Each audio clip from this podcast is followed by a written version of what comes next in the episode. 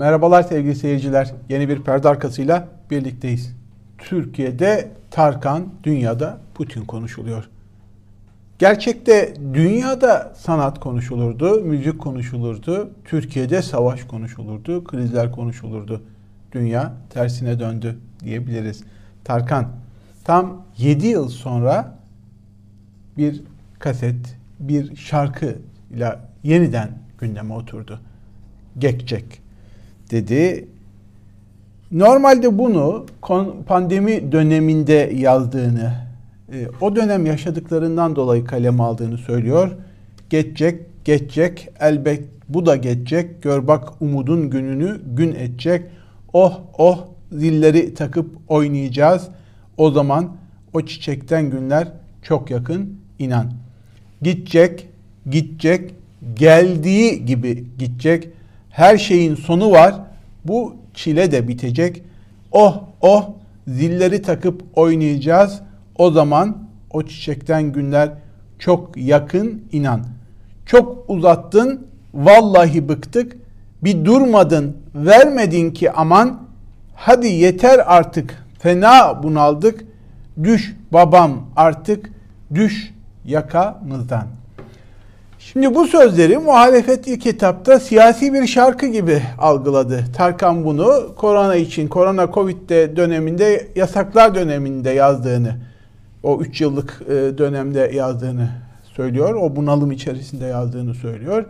Ama şarkının sözleri siyasi gibi anlaşıldı. Özellikle muhalefet partileri, muhalif liderler, muhalif siyasetçiler şarkının sözlerini paylaşınca iktidar yanlıları da bunu iktidara karşı yazılmış anladı. Ve ilginç bir çatışma. Tarkan'a direkt salvolar başladı.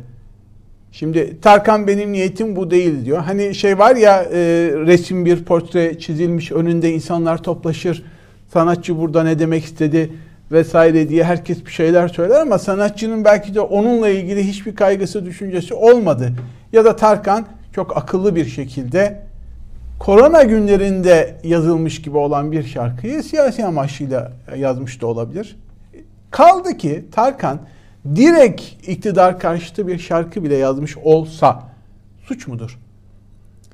Sezen Aksu'nun şarkı sözlerine suç duyurusunda bulunanlar Sedef Kabaş'ı bir atasözünden dolayı hapse atanlar için bir suç olabilir ama hukuka göre bir suç yok ortada. Bir sanatçı, Amerika'da örneklerini görüyoruz. Ee, bir sürü Oscar e, adaylığını almış, Oscar ödülü almış isimlerin çıkıp da Trump'a nasıl küfürler ettiğini, açıktan küfürler ettiğini gördük. Sanatçıların böyle bir özgürlüğü var. Hatırlayın Sezen Aksu cevap verirken ne demişti? Sazım var, sözüm var, yenemezsin beni. Evet, sazım var, sözüm var, yenemezsin beni. Tarkan'ın sazı ve sözü işte böyle bir etki bıraktı. Garip bir tartışma. İktidar yanlıları boş yere havada bulut var sözünden bize ördek dediniz anladı ve Tarkan aleyhine yayınlar yapmaya başladı. Birileri bu şarkıyı Erdoğan karşıtı da söyleyebilir. Tarkan dahi söylemiş olabilir. Çözümü sizin de Dombra'da olduğu gibi Erdoğan yanlışı şarkılar yapmanız, söylemeniz, çalmanız ya da bu şarkıyı dinlememeniz. İlginç. Tarkan'ın şarkısı yani bir dönem dünyada diskoteklerde çalınan coverları olan, şarkıları olan Tarkan'ın böyle bir şarkıyla geri dönmesi ilginç bir şekilde dünyada bile en çok izlenen müzik videoları arasına sokmuş Tarkan'ı. YouTube'a göre dünya müzik listesinde, YouTube'da dinlenenler listesinde trending olarak yani en çok dinlenenler sıralamasında 19. Dünyada 19. Tarkan'ın bu şarkısı. Türkiye'de de en son baktığımda 12 milyon 340 bin adet dinlenmiş, 70 bin yorum almış, 733 bin beğeni almış. Şarkı sevildi. Tarkan'ın neyi kastettiği, neyi kastetmediğinin bir önemi yok. Düşünün Erdoğan'ın beraber yürüdük biz bu yollarda şarkısını söylediğinde, her mitinginde, her toplantısında söylediğinde o şarkı Erdoğan için yazılmamıştı. Çok yılların şarkısı. Önemli olan onu nasıl kullandığınız. Tarkan'ın geçecek geçecek düş artık yakamızdan sözleri insanlar tarafından böyle algılandıysa, böyle sevildiyse buna kimse hiçbir şey söyleyemez. İşte sanatın gücü. Sazın ve sözün gücü. Eğer sanatla savaşırsanız, sanatçıyla savaşırsanız işte sonuç böyle tırnak içi söylüyorum iktidar için felaket olur. Umarım Tarkan'ın başına da şarkısının başına da bir şey gelmez. Rütük yasaklamak gibi akıl dışı bir yola başvurmaz. Tebrik ediyoruz Tarkan'ı. E, neredeyse bizler de yaşıt ama hala bir genç e, nesli de arkasına alabilecek başarılı bir çalışma yapmış yıllar sonra geri dönerek. Gelelim tüm dünyanın konuştuğu konuya. Putin, Ukrayna krizi. Türkiye'yi de çok yakından ilgilendiren bir kriz. Karadeniz'e komşu ülkeler arasında olan e, savaş ister istemez Türkiye'yi de yakından etkileyecektir. Dahası var Türkiye'nin Ukrayna'ya verdiği İHA'lar. insansız savaş uçakları, bomba taşıyan savaş uçakları var. Ve şimdi o uçaklar Rusya'ya karşı da kullanılacak. Eğer bir çatışma, bir savaş olursa. ABD Başkanı Joe Biden dün bir açıklama yaptı. Rusya geri çekildi diyenler, Rusya taktik olarak çekildi diyenler tartışması vardı. Biden noktayı koyan bir açıklama yaptı. Diyor ki Putin'in Ukrayna'yı işgal etmeye karar verdiğine inanıyor musunuz diye soruluyor. Evet, şu anda Putin'in buna karar verdiğine inanıyorum diyor. Biden Rusya'nın Ukrayna'da daha büyük bir saldırıya hazırlandığını söylüyor ve şu anda kendi sınırında 150 bin Rus askeri varken Ukrayna'nın bunları yapacağına inanmadığı inanmanın bir mantığı yok. Yani Ukrayna biliyorsunuz Rusya açıklama yapmıştı. Soykırım yapıyor e, Donetsk bölgesindeki e, halklara kendisinin desteklediği ayrılıkçı gruplara demişti. E, Putin böyle bir mantığı yok Ukrayna'nın bunu yapmasının diyor. Rusya'nın yanıltma ve bahane olarak bu senaryoları kullanacağını belirtiyor ve uyarıyor. Rusya planını uygularsa bu felaket olur. Seçime dayalı gereksiz bir savaş olur. ABD ve müttefikleri NATO topraklarının her santimini savunmaya hazırdır diyor. Burada e, ilginç bir laf oyunu var. NATO topraklarının her santimini savunmaya hazırdır diyor. Ama Ukrayna NATO üyesi bir ülke değil. Evet ilginç bir şey. E, haritalar var, tablolar var. E, Putin'in tam Ukrayna sınırında 150 bin, bazı kaynaklarda 175, bazılarında da 190 bin askeri yığdığını, Yine e, Kiev'i vurabilecek 500 e, kilometre mesafeli İskender füzelerini Kiev'i vuracak noktaya taşıdığına dair görüntüler var. E, Putin'in her an vurma ihtimalinden, her an Ukrayna'ya girme ihtimalinden bahsediliyor. Peki ama neden? Putin ne istiyor? Sorunun cevabı biraz karmaşık. E, Putin çok yakında yayınladığı bir makalede Ukrayna'nın Rusya'nın tek Ukrayna ve Rusya'nın tek millet olduğunu, tek kültürel köken olduğunu söylüyor. Yani ayrılmaz bir bütünüz diyor. Bu tarihsel bir yaklaşım içerisinde Belarus ve Ukrayna için bunu söylüyor. Ama çok daha önemlisi Putin NATO ülkelerinden yazılık garanti istiyor. Ukrayna'yı NATO'ya almayacaklarına dair. Zira Ukrayna'yı da NATO'ya aldıklarında Avrupa ile NATO ile arasında tampon kalmamış oluyor. NATO ile direkt olarak sınır oluyor. Aslında Baltık ülkelerinde bu sınıra ulaşılmıştı. 2004'te Baltık ülkeleri alındığında bunun bir e, tablosu var eğer onu getirebilirseniz e, NATO'nun ekrana ekrandan seyircilerimiz de görür. Baltık ülkeleri NATO'ya üye alındığında Rusya ile sınır olunmuştu. Fakat Baltık ülkeleri çok e, küçük bir toprak. Estonya, Litvanya ve e, Letonya'nın olduğu üç ülke NATO üyesi yapıldı. Burada göreceğiniz gibi. E, orada da 1200 kadar NATO üstü askerleri var. NATO askerleri var. Polonya da aynı şekilde NATO üyesi oldu ama arada Belarus ve Ukrayna var. Şu an Moldova'nın, Ukrayna'nın NATO e, üyesi olması, Gürcistan'ın olması gibi durumlar söz konusu. Rusya ısrarla bir yazılı garanti istiyor. Belarus'tan uzak duracaksınız, Ukrayna'yı NATO'ya almayacaksınız. Ukrayna ve Belarus'un e, riske girmesi, en azından Ukrayna gibi geniş bir toprağın NATO'ya geçmesi, NATO üslerinin oralarda kurulması, Rusya Rusya bunu hayati bir tehdit ve tehlike olarak görüyor. Bu işin bir tarafı. İkincisi tarihsel olarak 22 yıldır iktidarda olan Putin hem ordusunu güçlendirdi hem de e, Rusya'nın siyasi e, geleceğini SSBC toprakları eski Sovyetler Birliği ülkeleri üzerinde kurgulamaya başladı. Şimdi böyle olunca e, hatırlayın Rusya'nın 2014'te Kırım'ı ilhak ettiğini. Kırım Ukrayna'nın bir parçasıydı. Yine 2015'ten itibaren Don, e, Donbas bölgesi olarak bilinen Rusların ağırlıkta yaşadığı ama Rusya sınırındaki ayrılıkçı hareketleri destekledi. Bugüne kadar 14 bin insan öldü. Bugün de o bölgede Ukrayna'nın yaptıklarını gerekçe göstererek müdahale etmeye hazırlanıyor. Yani o bölgedeki çözümün parçasını o bölgeyi işgal olarak görüyor ya da gösteriyor.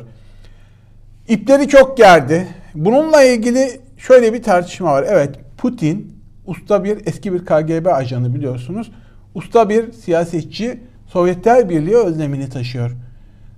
Avrupa ve Batı uzun süredir Putin'in bu hamleleri karşısında sessiz kaldı. Yani Putin'i adeta şımarttılar tırnak içinde söyleyeyim. Hatırlayın Putin yapay zeka olarak bilinen bir sistem üzerinden Facebook ve sosyal medya kanallarını Petersburg'da, Rusya'da oluşturduğu bir merkezden bugün bizim troller diye diyebileceğimiz tarz bir yöntemle ilgili seçmene ilgi duyacağı yönde mesajlar atarak mesela e, Clinton göçmenleri kabul edecek diye bir mesajı göçmen karşıtı insana atıyor. Ya da e, araba hastası, araba almaya çok meraklı bir insana Clinton arabalara vergi yükleyecek, araba fiyatları artacak diye bir mesaj atıyor. Ya da tam tersi, siz e, silahlanmayı çok seviyorsunuz, Trump silahlanmanın önünü açacak diye size bir reklam mesaj geliyor bütün bunların bir kurguyla döndüğü, seçmenin ilgi alanına göre seçmene uygun mesajlar gönderip seçim sonuçlarını etkilediğine dair. Bununla ilgili Amerika'da birçok çalışma yapıldı ve hala bu suçlama aydınlanabilmiş değil ve Trump'a yöneltilen en büyük suçlamalardan bir tanesi olarak devam ediyor. Yine hatırlayın e, ABD'de Trump'ı getirerek etkisizleştirdi Amerika'yı, pasifleştirdi. Avrupa Birliği'nden Brexit İngiltere ayrıldığında da aynı yapay zeka oyununu İngiltere seçmeni üstünde de oynadı. Seçmene ilgi duyduğu konulara göre mesajlar gönderip Brexit kararının çıkmasında etkin olduğuna dair yine burada da raporlar yayınlandı, bilgilendirmeler e, yapıldı ama henüz sonuçlanmış bir soruşturma burada da yok. Eğer doğruysa iki çok basit hamleyle çok verimli sonuç almış oldu. Hem Avrupa Birliği'ni oyaladı hem ABD'yi pasifleştirdi. Hem Avrupa Birliği bölünme krizi yaşıyor 5 yıldır, 6 yıldır ve hala da İngiltere ile Avrupa Birliği arasındaki sorunlar tam olarak aşılabilmiş değil. Hatta e, İspanya'da Katalanlar bağımsızlık referandumuna gittiğinde aynı oyunu Katalan seçmeni üzerinde de oynadığı Rus trollerin Petersburg'daki yapay zeka merkezinin diye iddialar vardı. Bunlar eğer doğruysa çok e, akıl dolu hamleler, çok basit gibi görünen ama çok akıllı hamlelerdi. Bununla kalmadı. Hatırlayın e, Putin Kırım'ı ilhak etti. Donetsk'te etkin olduğu Belarus'la birleşme sürecine doğru adım adım gidiyor 10 yıl içerisinde. İşte en son Kazakistan'da yaşananları gördünüz. Gürcistan'da yaşananları işgali biliyorsunuz. E, Ermenistan'da nasıl etkin olduğunu biliyorsunuz. Yani eski Sovyetler Birliği'nin diğer ülkeleri üzerinde de oyunlar oynadı ve Batı bunlar karşısında da etkili bir tepki gösteremedi. Sadece burada değil, sadece Karadeniz'de üstlenmedi, Akdeniz'de, Libya'da ve Suriye'de hamlelere girişti ve burada e, Rus e, paralı birliklerini, e, resmi olmayan gibi gözüken birlikleri de sahaya sürdü. Her iki bölgede de Akdeniz'in her iki bölgesinde de etkin faaliyetlerde bulundu. Rusya'nın geleneksel sıcak denizlere inme politikası biliniyor. Karadeniz'de Kırım'la kendini güvenceye aldı ve Montreux'e aykırı orada silahlanmalara gitti. Yeni e, tersaneler ve askeri üsler oluşturduğu biliniyor. İlginç bir şekilde yani e, bu boğazlar demek aynı zamanda, bu Türkiye demek aynı zamanda. Türkiye tüm bu süreçler zarfında Putin'le karşı karşıya gelmemeye çalıştı. Ama o da bir garabet tabi. Rus uçağını düşürdüler, Ukrayna'yı silahlandırıyorlar. Ermenistan'da Azerbaycan'la işbirliği yaptılar ama mesela Ukrayna'da hiç sesini çıkarmıyor Türkiye. NATO da Türkiye'yi aramıyor garip bir şekilde. NATO liderleri de Türkiye'yi öne çok çıkartmıyorlar. Planlı bir şey mi bilemiyorum. Türkiye'nin pasifliği mi bilemiyorum. Türkiye'ye güven mi duyulmuyor? Neticede Rusya'dan S-400 silahlarını almış bir Türkiye'den bahsediyoruz. Ve bugün Rusya ile çatışma ihtimali olan bir NATO'dan bahsediyoruz. Şimdi böyle olunca Türkiye'nin de çokça etkileneceği bir savaşa mı doğru gidiliyor? Sadece ekonomik olarak kastetmiyorum. Siyaseten de etkileneceği bir süreçten bahsediyorum. Putin'in istekleri yani e, Moldova, Belarus ve Ukrayna'nın asla NATO'ya alınmayacağının yazılı garantisinin verilmesi talebi şu ana kadar batıdan net kabul görmüş değil. Kırım'ın ilhakı, Donetsk bölgesinin de Donbas bölgesinin de e, yine Minsk süreci içerisinde çözüme ulaştırılması gibi şeyler var bunlar içerisinde ama Batı yazılı garanti vermiş değil. Ukrayna'da devlet olarak bu talebe karşı çıkıyor. Bir defa Kırım toprağım, Donbas bölgesi benim toprağım diyor. Daha ötesi Ukrayna bağımsız bir devlettir. NATO'ya katılmak ya da katılmamak kararını kendisi verir, vermelidir diyor. İşte krizin ana mihenk taşı dediğim şey bu.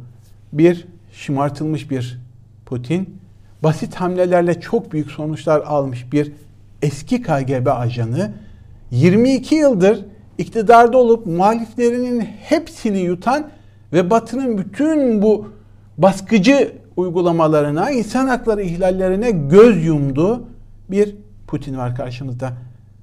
Putin aldığı bu özgüvenle şimdi çok büyük bir hamleye girişiyor. Hamle Ukrayna'nın işgali olursa akıllara Hitler'in Polonya'yı işgalini getiriyor. Hitler Polonya'yı işgal ettiğinde sessiz kalan Batı 2. Dünya Savaşı'yla karşılaşmıştı. Ukrayna'da aynı hatayı yaparlar mı, yapacaklar mı bilmiyorum. Stratejistlerin genel öngörüsü eğer Rusya, Rus askeri gücü Ukrayna'ya girmeye kalkarsa her ne kadar Batı'nın verdiği silahlar, eğitimler, donanımlar olsa bile Ukrayna ordusunun Rusya karşısında uzun süre direnme ihtimali yok. Yani Rusya için nispet tırnak içinde söylüyorum kolay bir işgal olacaktır. Fakat hem Ukrayna'nın hazırlıkları hem batılı devletlerin verdiği mesajlar Ukrayna'yı Rusya'ya batağa dönüştüreceklerini gösteriyor. Girmesi kolay, çıkması zor. Afganistan'da Rusya'nın sonrasında da Amerika'nın düştüğü tuzağa Ukrayna'da Rusya'yı düşürmek. İkincisi Batı Rusya'ya çok ağır ekonomik yaptırımlar yapmaya hazırlanıyor. Uluslararası banka sisteminden çıkartmak. Nord Stream 2 diye bilinen, 2 diye bilinen kuzeyden Baltık denizinden Avrupa'ya doğal gaz boru hattını askıya almak, zaten Ukrayna'dan geçen boru hattını kullanılamaz hale getirmek gibi hatta Putin'in ve üst düzey yöneticilerin şahsi mal varlıklarını, Rusya'nın mal varlıklarını batıda dondurmak gibi. Basit de kalabilir, etkin sonuçlar da verebilir ama Rusya'nın hem bir savaşı finanse edip hem de batığa dönüşmeye başlayan bir savaşı finanse edip hem de uluslararası yaptırımların altından kalkması hiçbir e, kolay gözükmüyor. Yani işgal kolay olabilir ama zafer Pirus astarı yüzünden pahalı. Keşke de girmeseydik bu savaşa denilecek bir neticeyle sonuçlanabilir. Felaket olabilir. Ölümcül bir oyun oynuyor Putin şu an. Umarım bölgemiz yeni bir kan banyosuna dönüşmez. Türkiye'yi de etkileyecek, her açıdan etkileyecek böyle bir savaşla karşı karşıya kalınmaz. Ama Erdoğan ve Türkiye'nin pasifliğini not edin. Bu dikkat çekici dışlanmışlığı hesaba katın. Yeni bir perde arkası programında buluşmak dileğiyle. Hoşçakalın diyorum.